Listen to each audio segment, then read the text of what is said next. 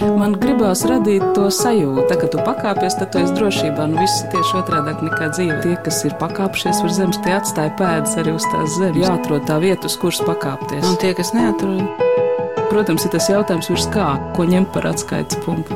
augstāk par zemi. Augstāk par zemi. Augstāk par zemi.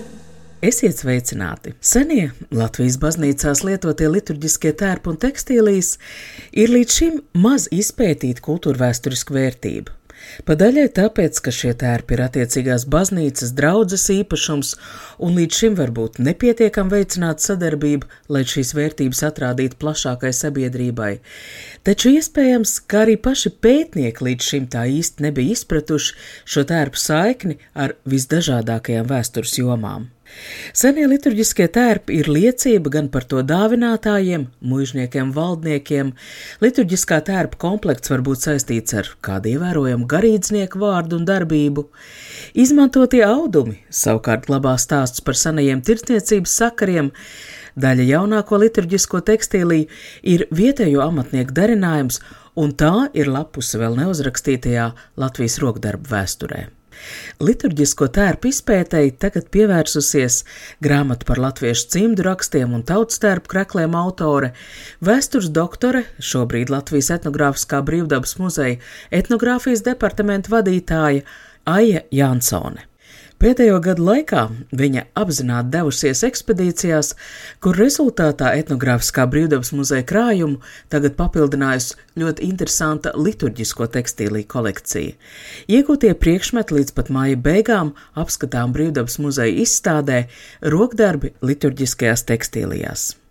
Mans vārds ir Anna Bušvica, un, kad norunājam interviju, Aija Jansone vispirmām kārtām uzstāja, ka šai sarunai jānotiek muzeja izstāžu zālē. Jūs teicāt, ka būs skaisti. Bet nav. Ir skaisti, bet klausītājiem arī jāpastāst, kur ir šīs izstādes skaistums. Tādā apstākļā, kad tā ir pirmo reizi, es domāju, Latvijas vēsturē. Un uh, šī nav tik daudz domāta kā reliģiska satura izstāde, bet gan tieši rokdarbu izstāde.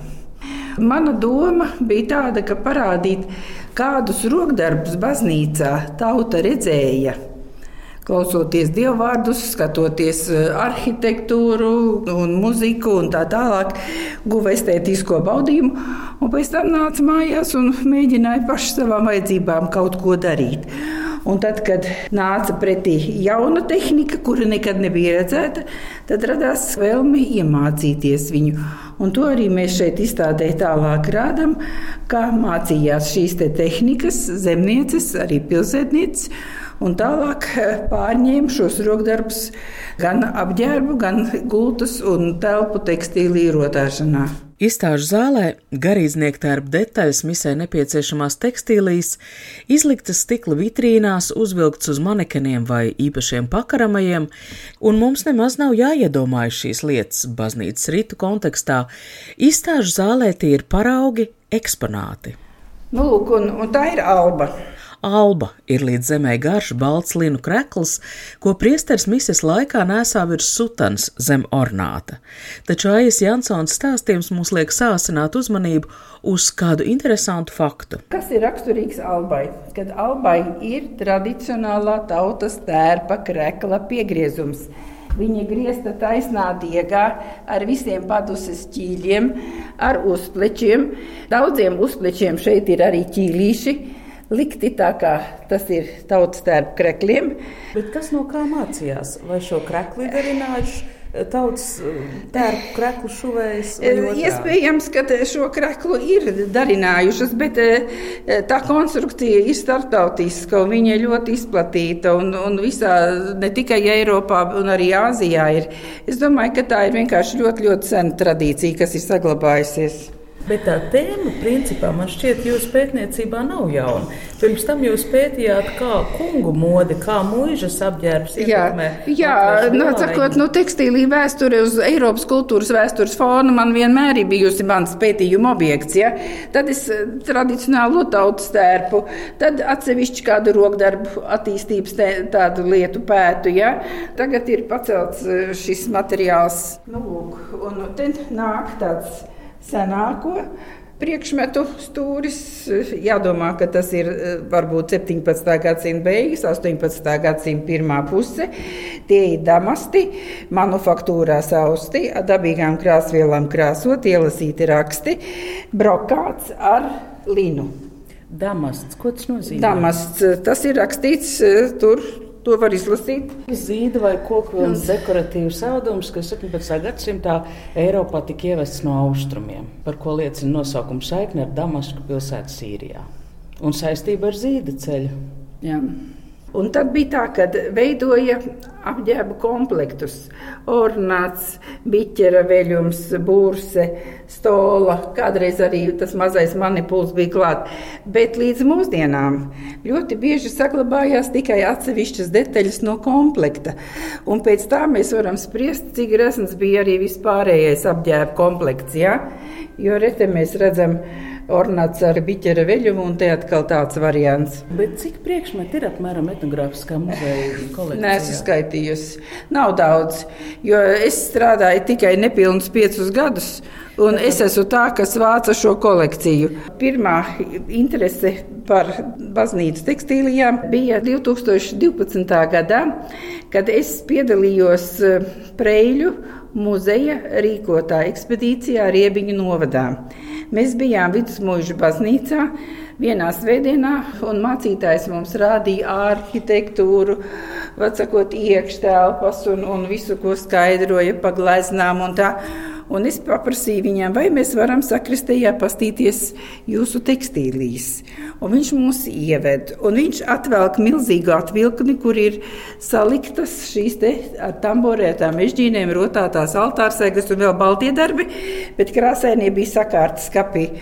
Nu, un es Preļu muzeja direktorei Teklai Bekešai saku, es saku, Tekla, šis ir jāpēta. Ja? Pagāja divi gadi, Tekla noorganizēja jaunu ekspedīciju, dabūja mācītāju mums kā konsultantu, un tad mēs apbraucām vairākas baznīcas un arī Feimaņu baznīcu, un pēc tam tie Feimaņi sāka lielīties, ka viņiem ir ļoti daudz skaistu, vērtīgu priekšmetu, ja? bet tikai tāpēc, ka mēs to parādījām. Nu, lūk, un tad 17. gadā un tā tālāk katru gadu pa nedēļai es braucu, braucu, braucu. Un, tā, un kamēr es strādāju Latvijas Vēstures institūtā, mums bija tikai etnogrāfisko materiālu krātuve kas pieņēma tikai fotografijas, mērījumus, zīmējumus, pat sakot, papīra formātā. Tad, protams, nekāda runa par kaut kādu materiālu vākšanu nebija. Kā es atnācu strādāt uz muzeju, tad vienā baznīcā cilvēki nu, vienkārši var saprast, ka viņi nezina, kur tās vecās lietas likt un kā viņas saglabāt. Aija Jansona saskaitījusi, ka kopš šīs pirmās sarunas 2012. gadā viņa kopumā ir pabijusi 36 ekspedīcijās, un tās visas bijušas uz Latgales un Katoļu baznīcām.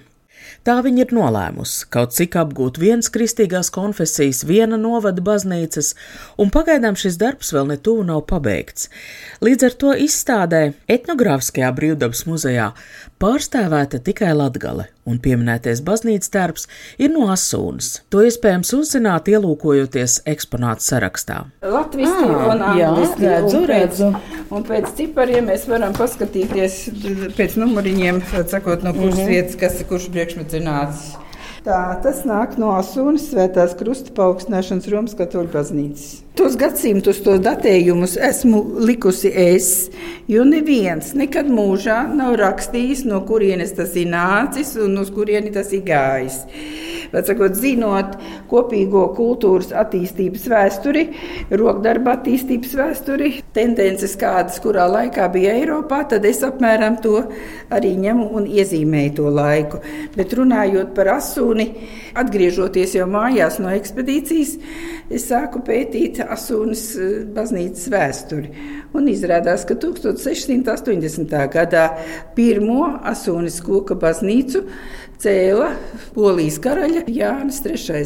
Karalis eh, finansēja šo baznīcas celšanu, bet nu, amatnieki bija vietējie meistari. Es tā domāju kad arī karalis nodrošināja arī iekštelpu iekārtojumu un arī priesteru apģērbu. Un, sakot, šī visa, visa izstāde ir tikai un vienīgi muzeja kolekcija, izņemot divus priekšmetus. Šis raksturaudzis, redziet, 1835. gads, deponēts eh, Turaidas muzeja rezervātā. E, šis ir baltais raksturaudzis. Viņš gan ir jaunāks, bet arī baltos darbus šādi te mācījās, lai varētu rotāt gan albas, gan komžas. Kas būtu jāzina pētniekam, kurš grib noteikt tērpu senumu? Aija Jansona ļauj nedaudz ielūkoties, kā tas notiek. Līdz 18. gadsimta otrajai pusē tik smalkus rokdarbus, kādi nepieciešami baznīcas darbu darināšanai, šādus izšuvumu rakstus apguva īpašās darbnīcās no īpašiem paraugiem. Tas viss ir šūts uz līna ar dabīgās krāsas dzijām, vai nu tā ir vilna, vai tas ir zīdiņš. Tajā laikā vēl fiziski nevarēja neko krāsaināku uzšūt, jo vēl nebija sintēzētas ķīmiskās krāsvielas. Ķīmiskās krāsvielas sintēzētas 1856. gadā Eiropā. Izveidojoties rokdarbu veikalu tīklam, arī zemnieks iekāroja sev pilsētnieciskākas drānas, taču ir vēl kāds drošs kritērijs. Viens no rādītājiem, kas palīdz datēt priekšmetu, ir tas, vai konkrētā tekstīlī sašūta ar roku vai ar šūnu mašīnu. Ja sašūta šī mašīna, tas nozīmē, ka tas vismaz ir 20. gadsimts, eh, retākā gadījumā 19. gadsimta beigas, jo šī mašīnas Latvijas teritorijā ieveda ar 1870. un 80. gadiem. Liturģisko tekstīlī pētniecību, kā to sarunas sākumā norādīja Aija Jansone, ir jauna tēma Latvijas zinātnē un izstāžu zālēs, taču paralēli savas kolekcijas veido un izstāda arī baznīca, draudzes un priesteri. Iespējams, atšķirīga ir katras puses pieeja. Kā jau Aija Jansona minēja, baznīcas inventāra aktos labprāt tiek nozaudēts tērpa darināšanas gads, darinātāja vārds vai teritoriālā piedarība, jo baznīcas kontekstā personai nav tik liels nozīmes kā varbūt pētniecībā. Viss notiek tā sacīt, dieva godam. Došanās ekspedīcijās veido nepieciešamo sarunu abu pušu starpā, un Aija Jansona ar respektu runā par draudzēm, kuras, lai arī atsakās savas vērtības nodot muzejam, paši gādā par to saglabāšanu un izstādīšanu. Varētu klāt, kur ir tie labie piemēri, kuras baznīcas, kur kuras gatavojās, bet es nezinu, cik tālu vēl tagad ir tikušas. Ja? Viļānos, tur tā ļoti mērķtiecīgi jau ir telpas zināmas, un arī kolekcija viņiem brīnišķīga, un viņiem ir ļoti jauka tā saimniecības vadītāja un visas tekstīlijas, kas viņiem ir. Tās visas skaisti, metodiski tīras, kārtīgas, sakārtotas kastē.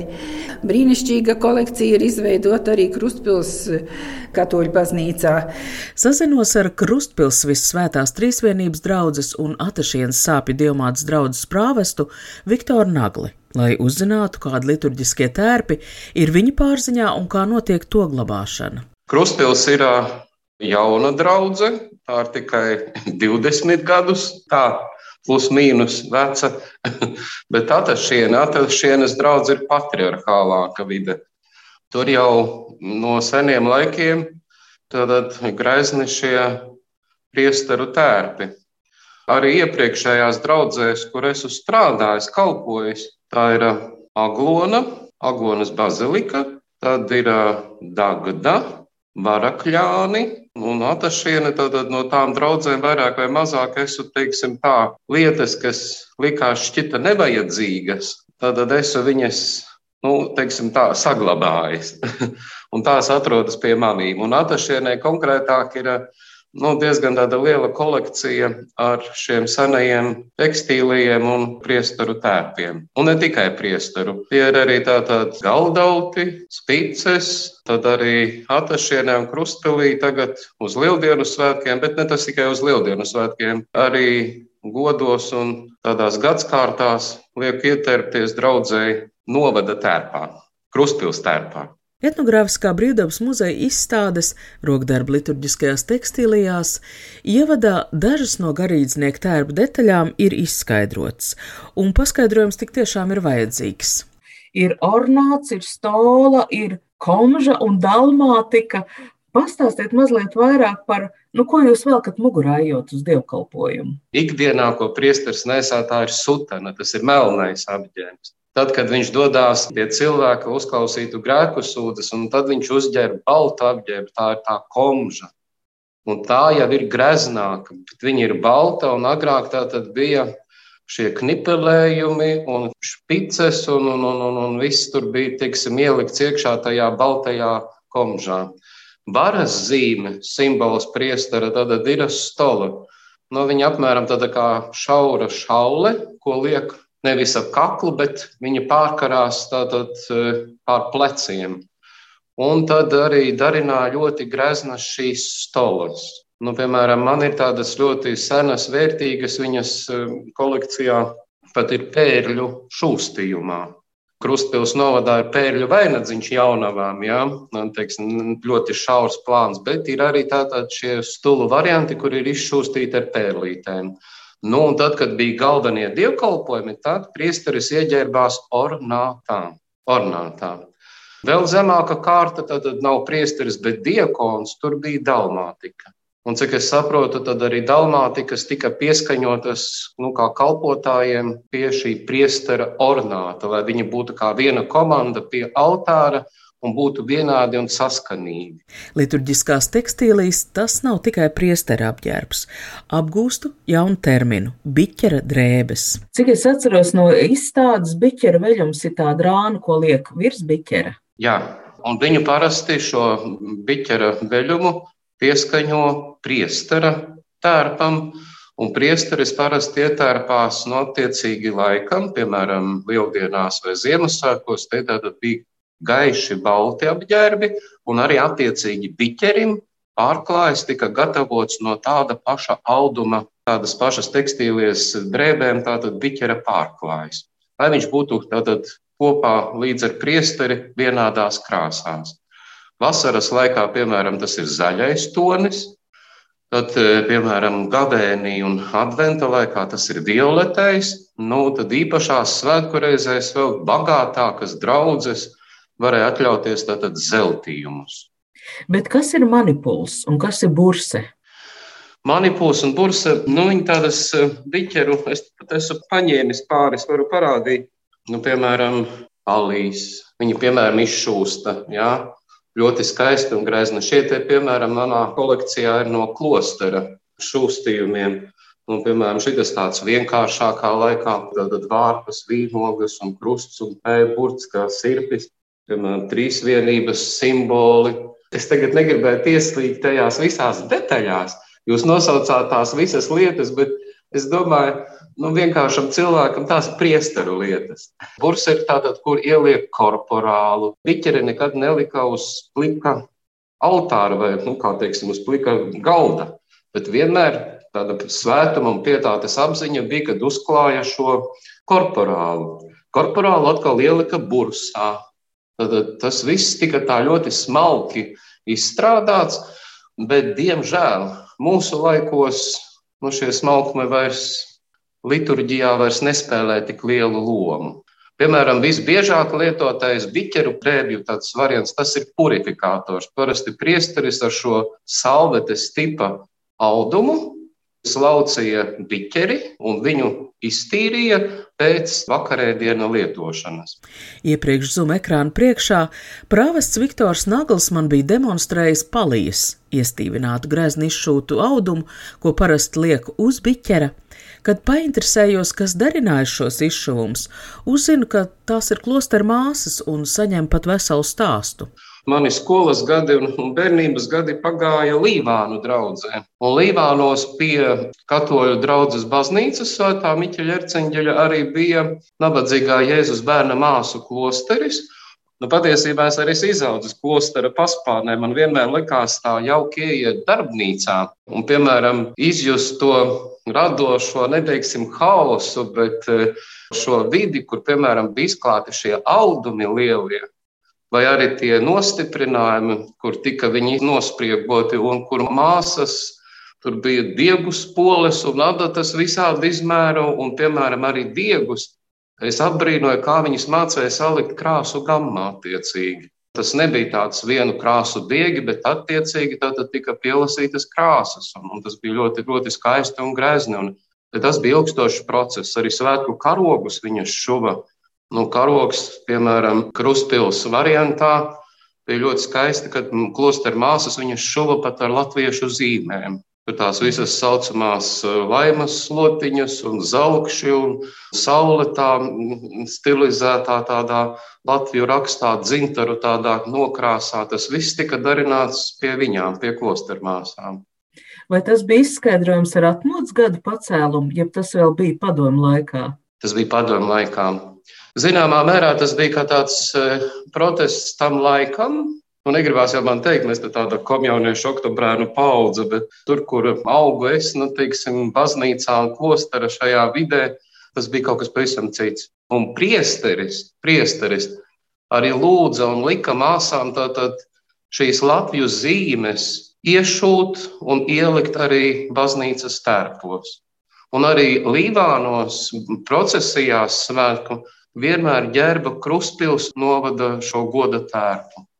Bet vai šādas darbnīcas mūsdienās, piemēram, vēl pastāv? Es zinu, ka pastāv. Pie mums Latvijā, nu, zinu divas vietas, kur klosteru māsas to dara.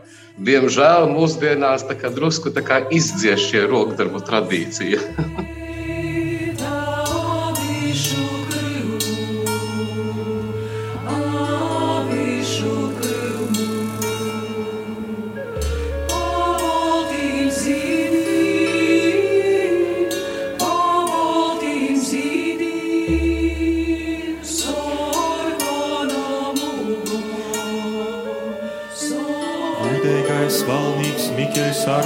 arcēngeļus, lūdzam tevi pīmini mūsus visu, un aizbildi par mūsu mīkšu visaidam vajadzībam da dīvam.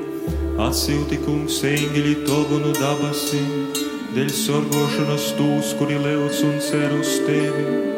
Dod mums visu varīgais dīvs, kad mēs, kuri svāto Mikeļa erceņģeļa gūdu slavinojam virs zemes Jo spiecīgam lūkšanam tiktu pasargoti no ļaunuma porcelāna virs zemes un izmantotu dabasu valstību. Caur kungu mūsu Jēzu Kristu un svātu goru mūžīgi mūžam. Āmen! Pakam vari pazīt, pakam vari pazīt, buāriņu satu, buāriņu satu. Tieši šo pašu latviskā un katoliskā harmonisku līdzās pastāvēšanu Sigvārds Kļava radiokors uzsvēra arī muzikas lielprojekta Latvijas gredzens Latgales sadaļā. Turpinām ieskatu etnogrāfiskā brīvdabas muzeja izstādē rokdarbi liturģiskajās tekstīlijās. Lūk, nākamā tehnika ir ķēžu dūriens To es mācījos skolā. Jā, bet jūs mācījāties tādu parasto ķēžu dūrienu, bet sākumā ķēžu dūriens franči šuji ar tamboru adatu. Un arī šie te priekšmeti, kas ir, nu, man te ir nosaukts eh, jau ar, ar 19. gadsimta jau beigām, arī, redziet, ir tambora adata un ir speciāls uzpirkstens ar gropīti un uz rāmīša šuva. Tā kā ļoti interesanta tā tehnika ir, bet šeit mēs redzam, mums ir divi priekšmeti, trīs priekšmeti, četri. Ja, nu, lūk, šeit ir izšūts ar to ķēžu dūrienu, ar to tamboradatu.